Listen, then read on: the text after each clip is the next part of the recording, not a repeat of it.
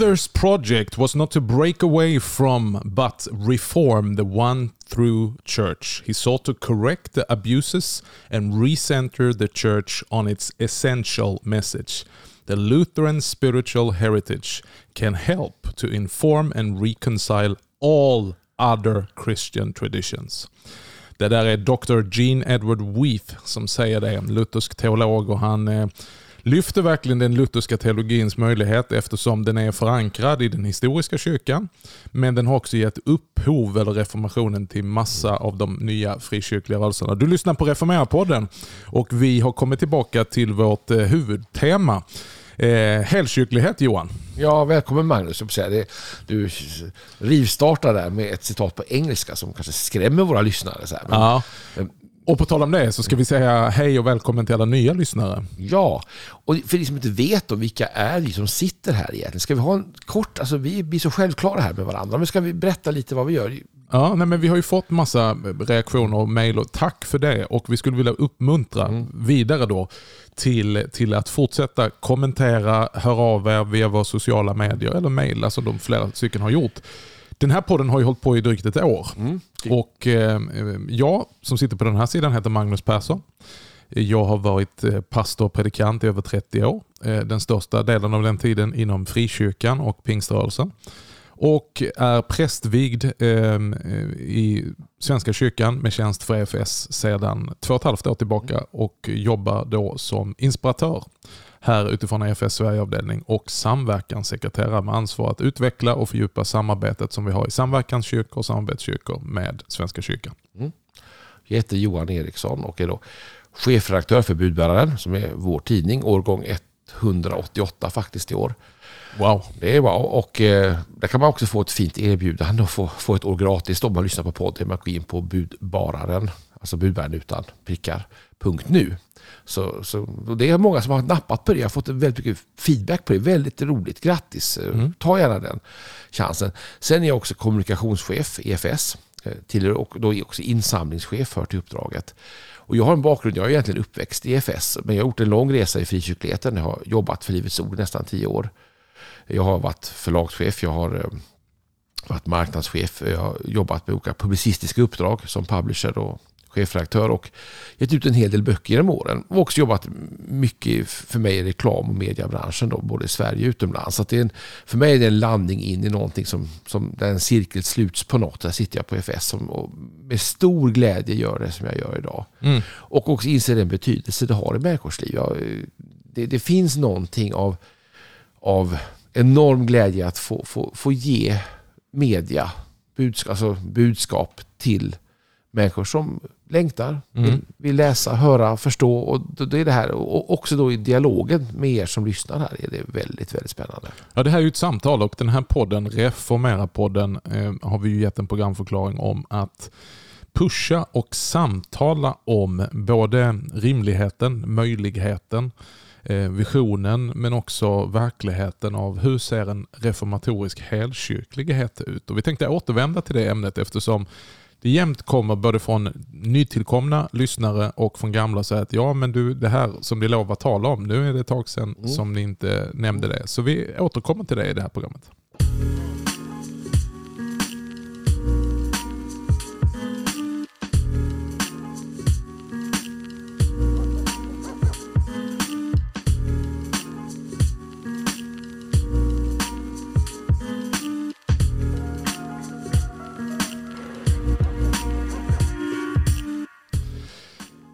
Många har ju ställt frågan, vad betyder helkyrklighet? Betyder det en kladdig ekumenik?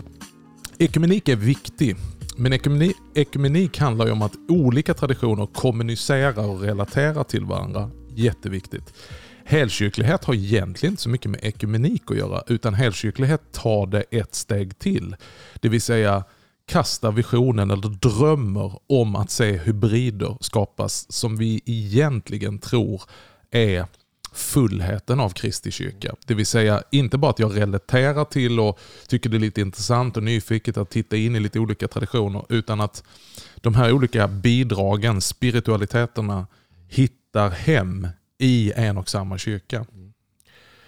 Och när du säger så, jag tänker alltid på EFS, för vi, EFS är lite av den här hybriden mellan faktiskt frikyrka och folkkyrka eller Ja. traditionell kyrka.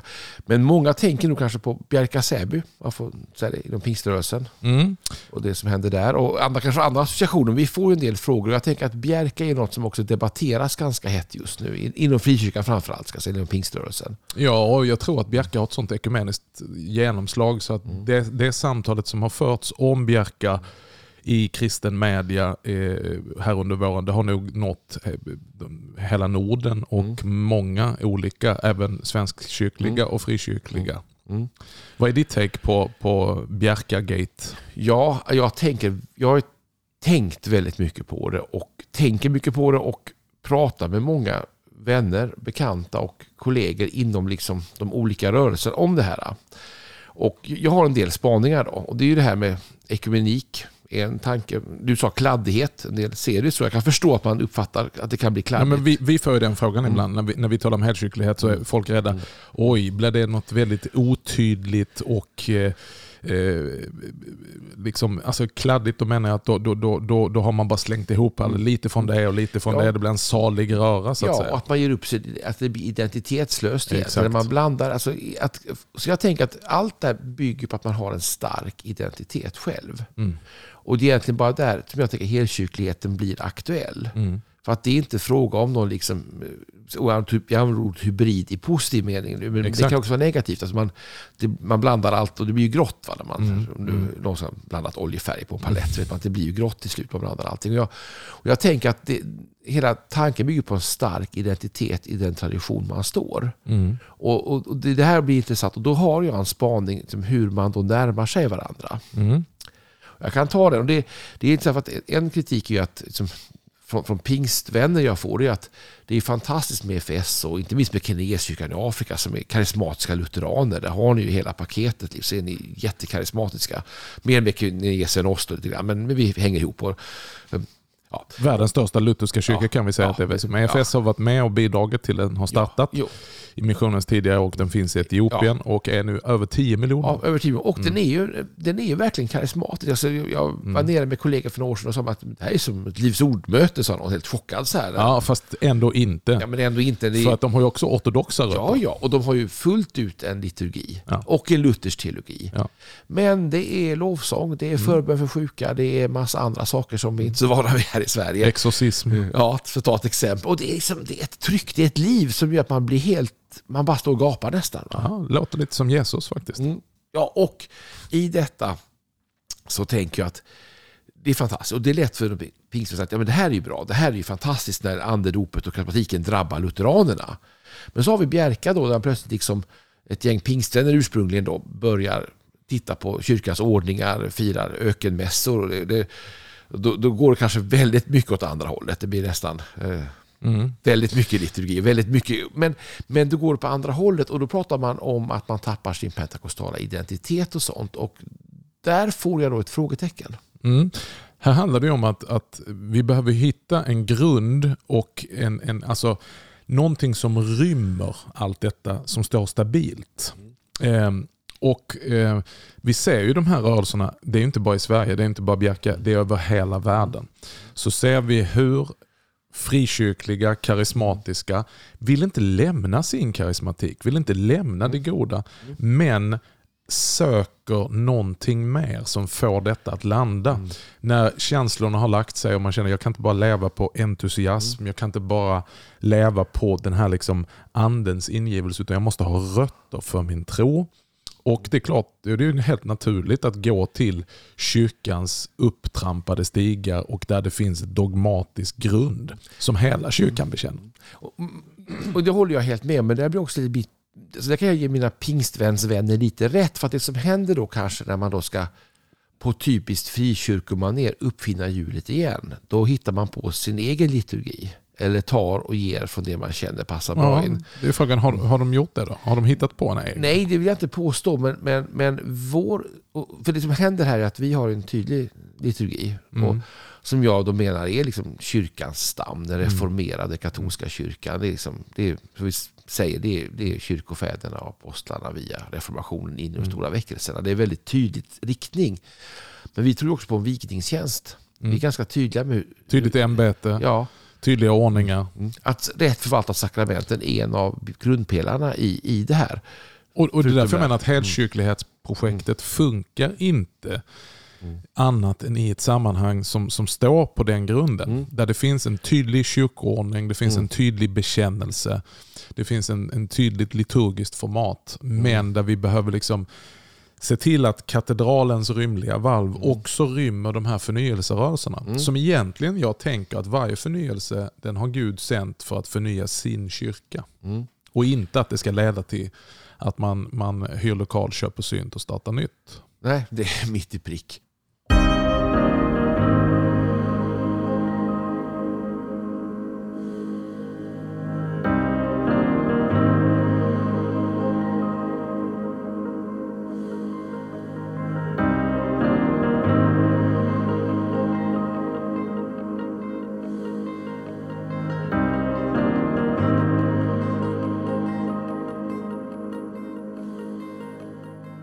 Då, då har jag en spaning här Magnus, du säger. Du, du får inte låta för kritisk, men när vi kommer till Bjärka och de har då blandat traditioner och bjuder in talare från många sammanhang. Så jag har pratat med några katolska vänner och predikanter som har varit där och, och som då uttryckte förvåning över att man liksom tar vissa delar av spiritualiteten men också av eh, synen på, på helgelse och livsstilsfrågor. Men inte hela paketet. Man har valt lite som ett smörgåsbord att det här tycker man om.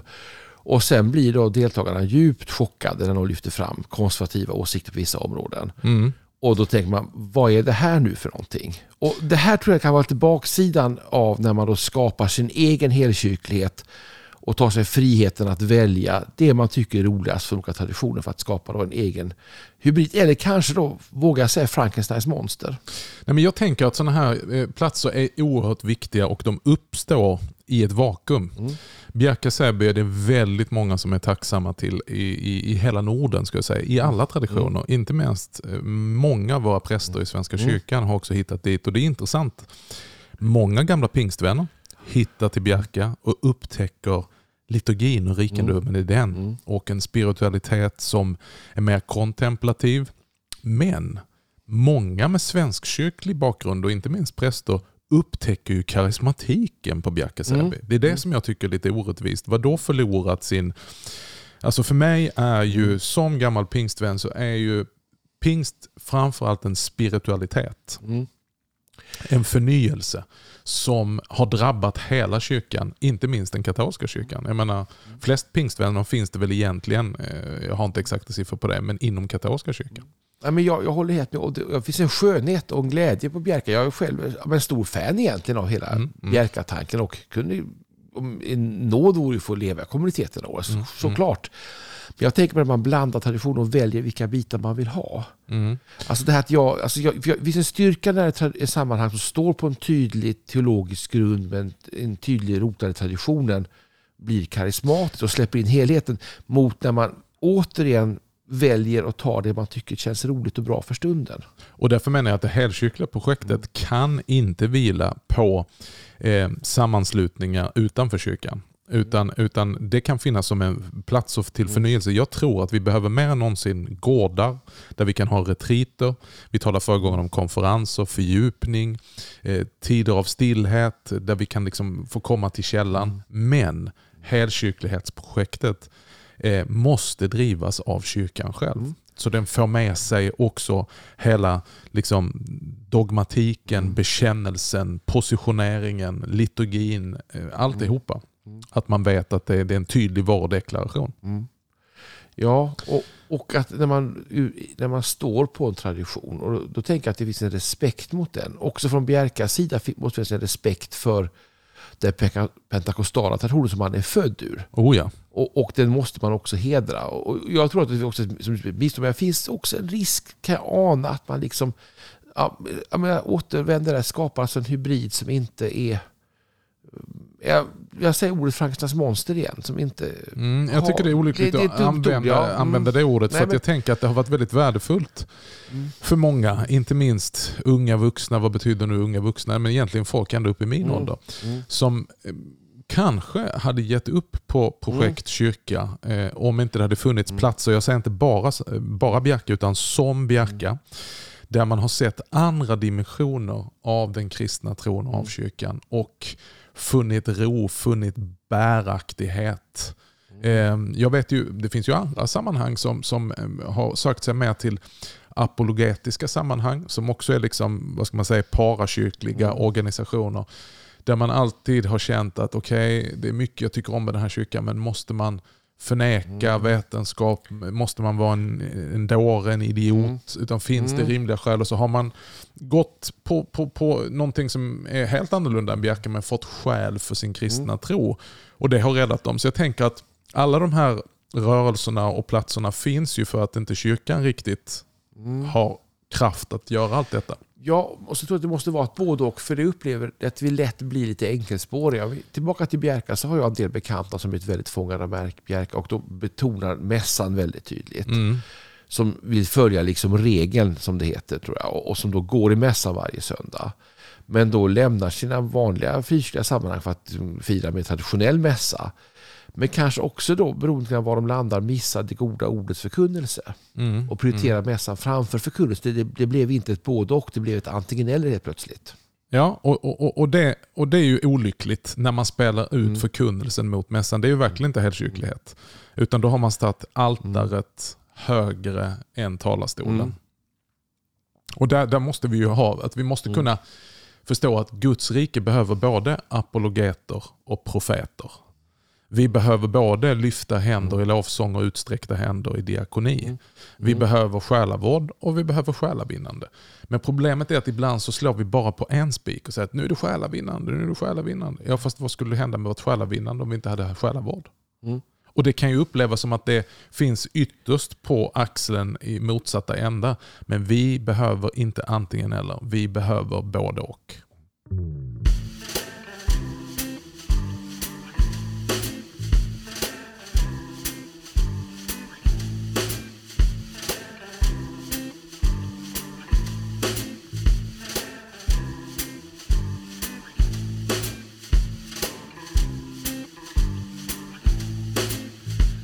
Ja, nu skäms jag lite att prata om Frankensteins monster här. Jag börjar, jag börjar känna eh, omvändelsens tyngd här. Jag ber, det, var, det var dumt att säga så, för, för det, det fångar inte det jag menar. Det jag menar är att alltså, kan det bli lite, inte osunt, det för starkt ord, men kan vi komma lite fel i vår vilja att skapa helkyrklighet? Alltså hur bevakar vi balansen och att vi inte ger upp viktiga delar av förkunnelsen och det mm. kristna livet för att just skapa det här? Och det är lite grann det jag är ute efter. Alltså jag, Låt oss gå till Jesus. Mm.